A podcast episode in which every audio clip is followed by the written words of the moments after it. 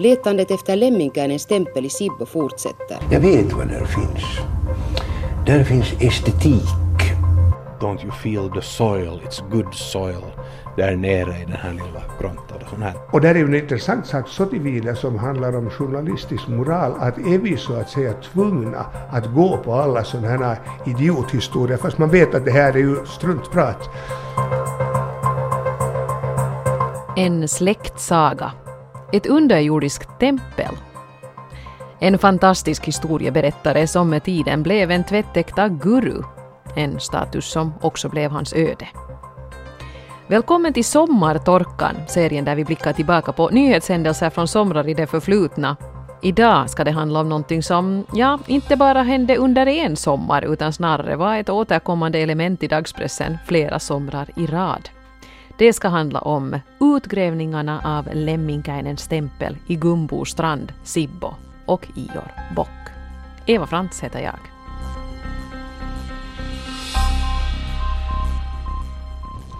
In the middle of Udenma we have hell with seven hill, and on all these seven hill we had seven temple.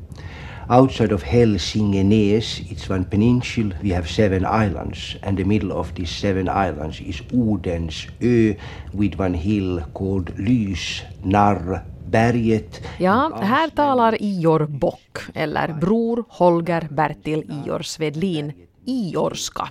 I Yles arkiv finns flera liknande upptagningar på både engelska och svenska. I intervjuer behöver redaktörerna sällan ställa så mycket frågor för att få sitt intervjuobjekt att tala. Ior han pratar på om sin släkt, om Goa, om Ackan, om sperma, om sin första sjömanskostym och om att han är ett incestbarn. Det är stort och smått, långsökt och rimligt, vardagligt och flummigt i en salig blandning place this water around and Kronovuori means the crown hill. Och när jag nämner på jobbet att jag ska göra ett program om Ior Bock, då visar det sig att nästan varannan kollega har en personlig Ior Bock-anekdot på lager. Det är många som har träffat honom, intervjuat honom, ibland var Ior naken, ibland var han påklädd. En del tycker att han var fängslande och karismatisk, eh, andra tycker att hans pladder var väldigt tröttsamt. Men gemensamt för alla de här kollegorna är att ingen har förblivit oberörd av Ior Svedlin, alias Ior Bock. Och om man frågade Ior Bock själv vem han var, då kunde svaret lyda så här. Vem är Ior Bock? Vem är jag? Egentligen så tycker jag att jag kommer från västra Nyland. För mina föräldrar kommer från västra Nyland. Min familj bodde i många år på Box i Snappertuna. Där var min farfar född. Erik Gestrin, numera pensionerad legendarisk journalist i Östnyland, han hör till dem som träffade Ior Bock. No, jag, jag har träffat honom två gånger. En, ena gången när han ännu var eh, guide på Sveaborg. Och han var utomordentligt populär bland turisterna och inte alls populär bland kollegor och chefer det sades att, att han nog drog ihop historierna ganska fritt. Så en gång var jag faktiskt och hörde på en sån här eh, guidning och han hade en busslast svenska turister där och det var ju en fantastisk historia. Var, han var väl utbildad inom dans och scenkonsten och så här så det var liksom stor show på där och han drog helt fantastiska historier. Jag kommer inte alls ihåg vad de handlade om men som sagt det var historier som inte backades upp av hans, hans kollegor. Och själv förklarar han det med att han har så god kontakt med de här svenska eh, turisterna att sen när de kommer hem igen så går de till sina lådor och kistor och söker fram eh, farfars eller farfars farfars dagbok när han skrev när han byggde på Sveaborg. Och därför har Ior, ni hade till Svedlin ännu på den tiden kanske, ja. Så därför har han tillgång till en massa material som de här andra tråkiga guiderna på Sveaborg inte vet någonting om. Och det var alltså en huisig historia han där, det var jätteroligt. No, jag tror att det var ungefär sista året, sen fick de ju peta dem bort honom. Han var väl inte ens anställd, tror jag, som officiell guide på Sveaborg där på slutet, utan det var helt hans egen privata business på något sätt. Men sen fick han nog port, portförbud, de blev liksom för bra de här historierna.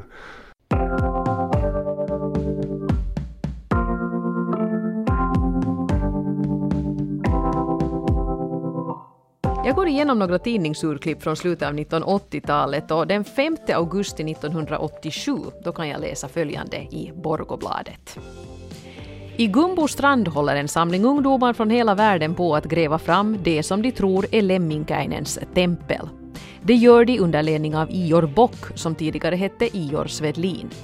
Han säger sig härstamma direkt från en forntida stam som utgjorde grunden för människosläktet.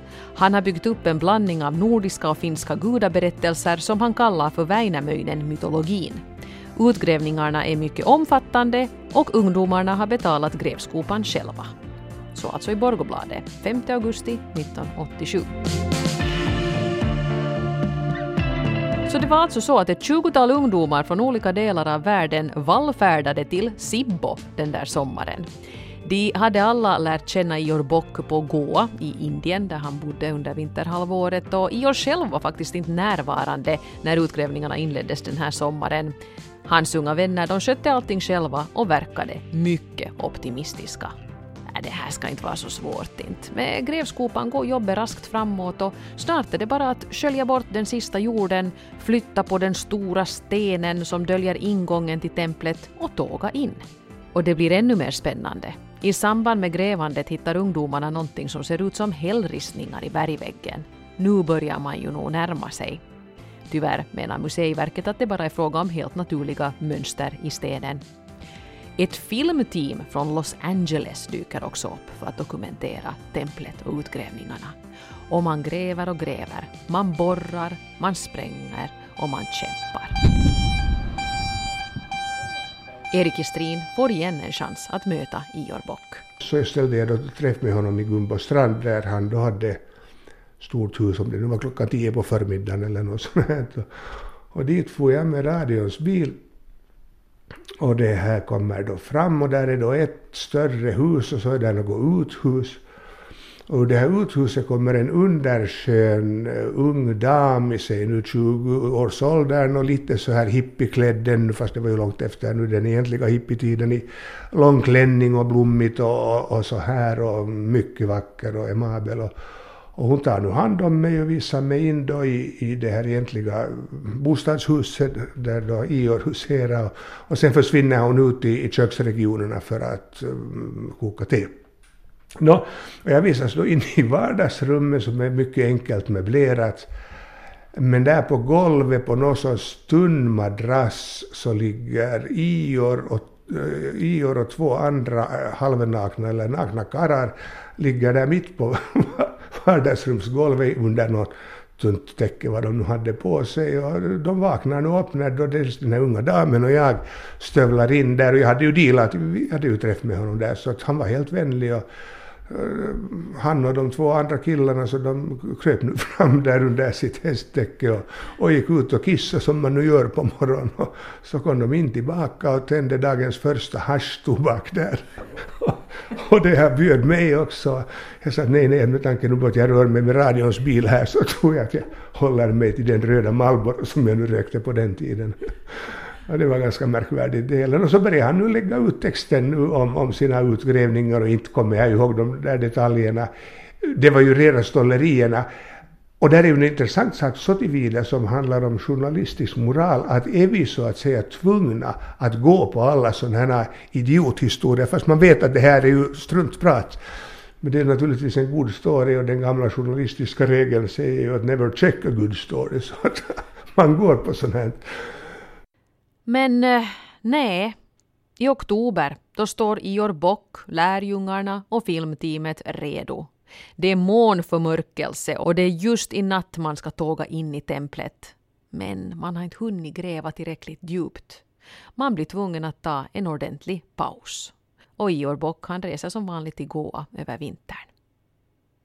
Men sommaren 1988 då dyker Lemminkäinen-templet upp igen i pressen. Ior vill fortsätta gräva, men tyvärr räcker ju inte pengarna till, för det är dyrt att hålla på så här.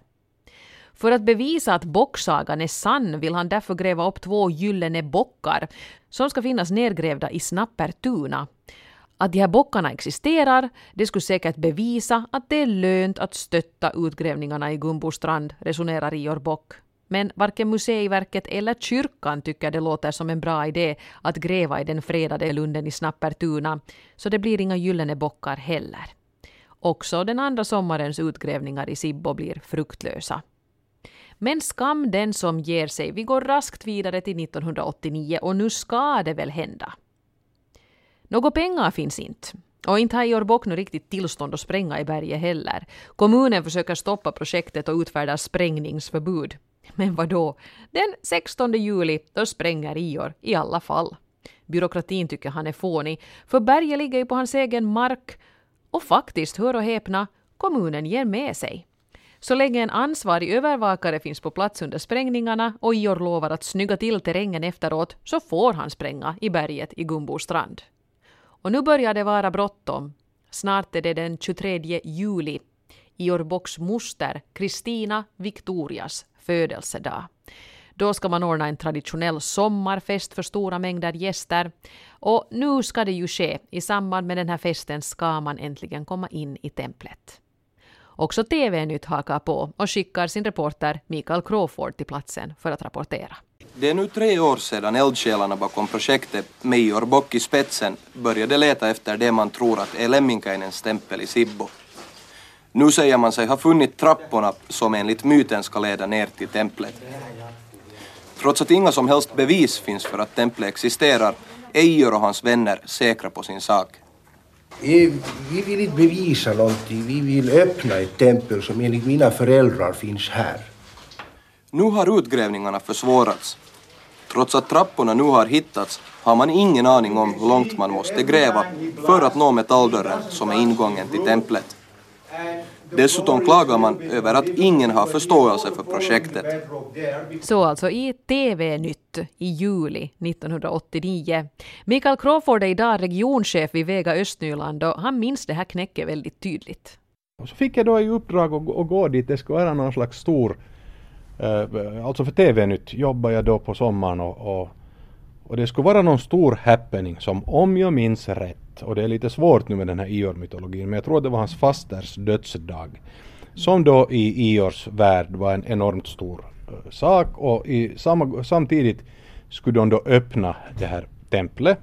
Och budet var att man måste vara beredd att vara naken för att man ska gå naken in i templet. Man får inte vara påklädd när man då går in i Lemminkainens tempel och vi hittade en, en inte tror jag ens att det var svårt, en kameraman som var beredd att ställa upp och jag var då, då något slankare än idag så jag hade inte något problem med tanken heller. Och så kom vi då till Gumbostrand och där, där var massor med, med hippies från världen över. Jag minns att det var en vid namn Stewart från Hawaii som hade en organisation som hette Positive Foundation.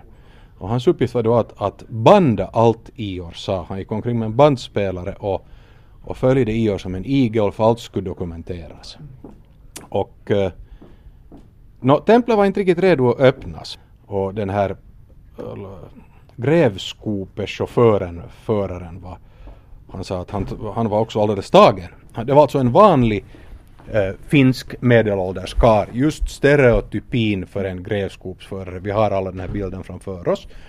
Och han, han kom dit och vittna och sa att, att jo att, att då när han kom, fick det här uppdraget så, så trodde han inte på det men nu tror han nog för han har, han har sett att det går trappsteg ner i berget när han grävde där. Det är en sån stor sten. Så han hade också dragits med i det här? Han hade också dragits med dit för fullt och det här Sen hade de stött på vatten och därför hade de då inte kunnat alltså öppna det här templet. Och Ioriko sa att det här är eh, hur många tusen år gammalt vatten det nu var för det skulle också finnas enligt den här myten. Mm. Och där var det ett enormt medieuppbåd. Ior njöt otroligt av uppmärksamheten. Han satt i lotusställning på ett berg i Gumbostrand och, och jag och andra filmade honom och det var alltså massor med media på plats. Och sen hippier då som glatt gick omkring och, och var hippier. Och en av dem minns jag kom och sa till mig att, att don't you feel the soil, it's good soil där nere i den här lilla grottan. Och sånt här. Det var nog en, en, en, ett intressant jobb att göra som sommarreporter. Nu gjorde jag mycket tråkigare grejer för TV den sommaren det där. Nej, det blir ingen fynd den här gången heller. Det blir ingen nakenmarsch in i Lemminkainens tempel. Men fest ska det ju bli i alla fall. Det är ju trots allt Kristina Victorias dag och tradition är tradition. Och också TV-nytt-reporter Mikael Crawford är bjuden på fest. På kvällen skulle det vara då en stor fest för att, att hedra då den här fasters dödsdagen. Och det måste väl då ha varit ett veckoslut. Det minns jag inte men, men jag och några kompisar åkte sen naturligtvis dit på kvällen för, på fest. Och den där festen var nog ganska mycket det som en ung man nu ville ha av en fest. Det vill säga, om jag minns rätt nu så den enda regeln var att man inte fick bära glasflaskor på gräsmattan. För att folk gick omkring bara, bara, bara fötterna. Där var det massor med, med hippies som dansade i olika stadium av nakenhet, ska vi säga så. Och inne i ett rum satt Ior och rökte braja så att, att röken var tjock och på golvet satt då hans lärjungar som frågade saker av Ior och Ior då översatte saker till iorska enligt hans den här underliga språkläran. No, va, ja, det, var, det, var, det var råddigt men, men hippierna tyckte om det. Och där satt då Ior och, och, och rökte braja och, och få var väl nyktra av menar, vin och, och, och, på basen av nu hur det luktade där överallt så var, var, var hippierna och levde på hippiers vis. Och det var mycket stämningsfullt alltså. Människor var glada och goda och och, och, det var inte bara tidstypiskt, för det här var ju tiotals år efter den egentliga hippierörelsen. Men då hade alltså folk kommit, förutom för det här Lemminkainens tempel, så hade folk flugit dit från hela världen för att närvara på den här fasters dödsdag. Och de var inte besvikna då för att det inte hade blivit någon sån här storslagen inmarsch i templet? Nej, inte, ingen sa det. Alla var jätteglada och nöjda och hemskt snälla och, och, och och så här och det var en, det var en jättetrevlig liksom stor sommarfest med, med massor av, av ungdomar.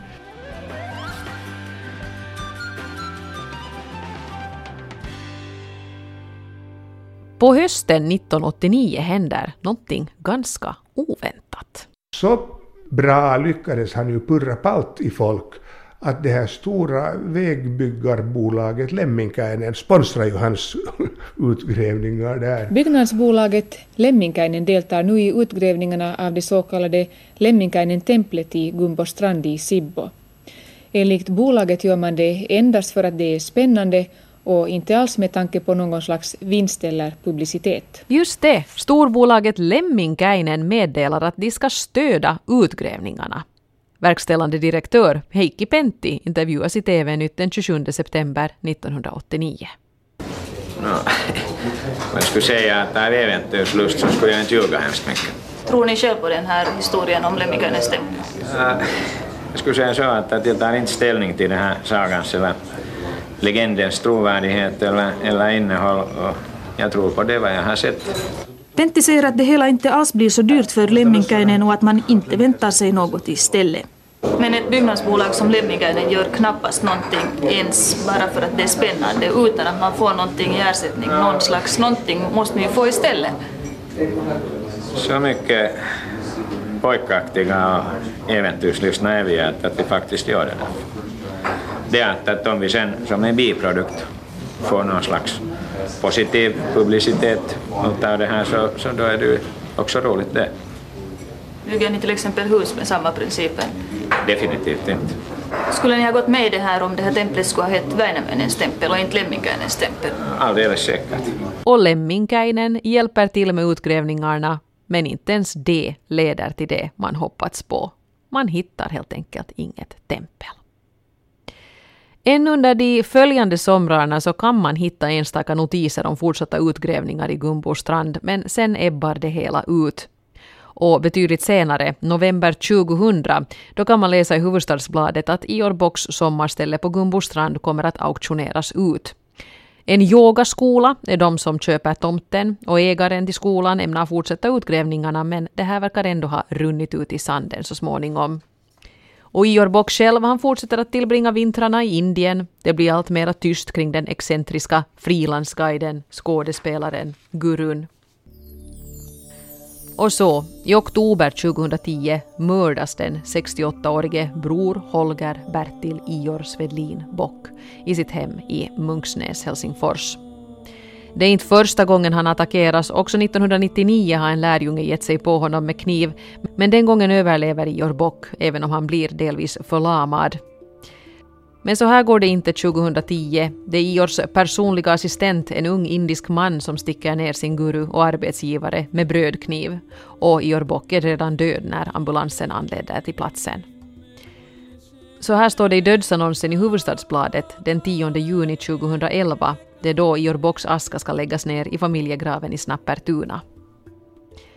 Ior Bock, 17 i första 1942 till 23 i tionde 2010.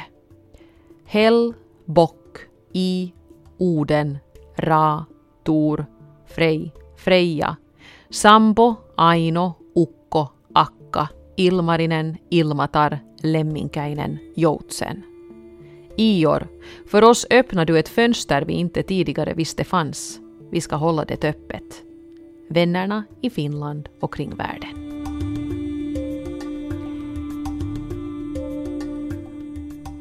Den sista bocken har lämnat jorden, men många av hans lärjungar finns ännu kvar. Och berättelserna finns kvar, och myterna, och sagan, och framförallt grottan. Den otroliga tanken på ett underjordiskt tempel i Sibbo. Ett tempel som man hittar bara man vågar gräva tillräckligt djupt. Kanske den här berättelsen inte alls är slut ännu. Det får framtiden utvisa. Tack till Erik Justrin och Mikael Crawford, till Ida Fällman på Ylearkivet samt till Brages pressarkiv. Producent för Sommartorkan är Hanna Berntsson Hera och jag heter Eva Frantz.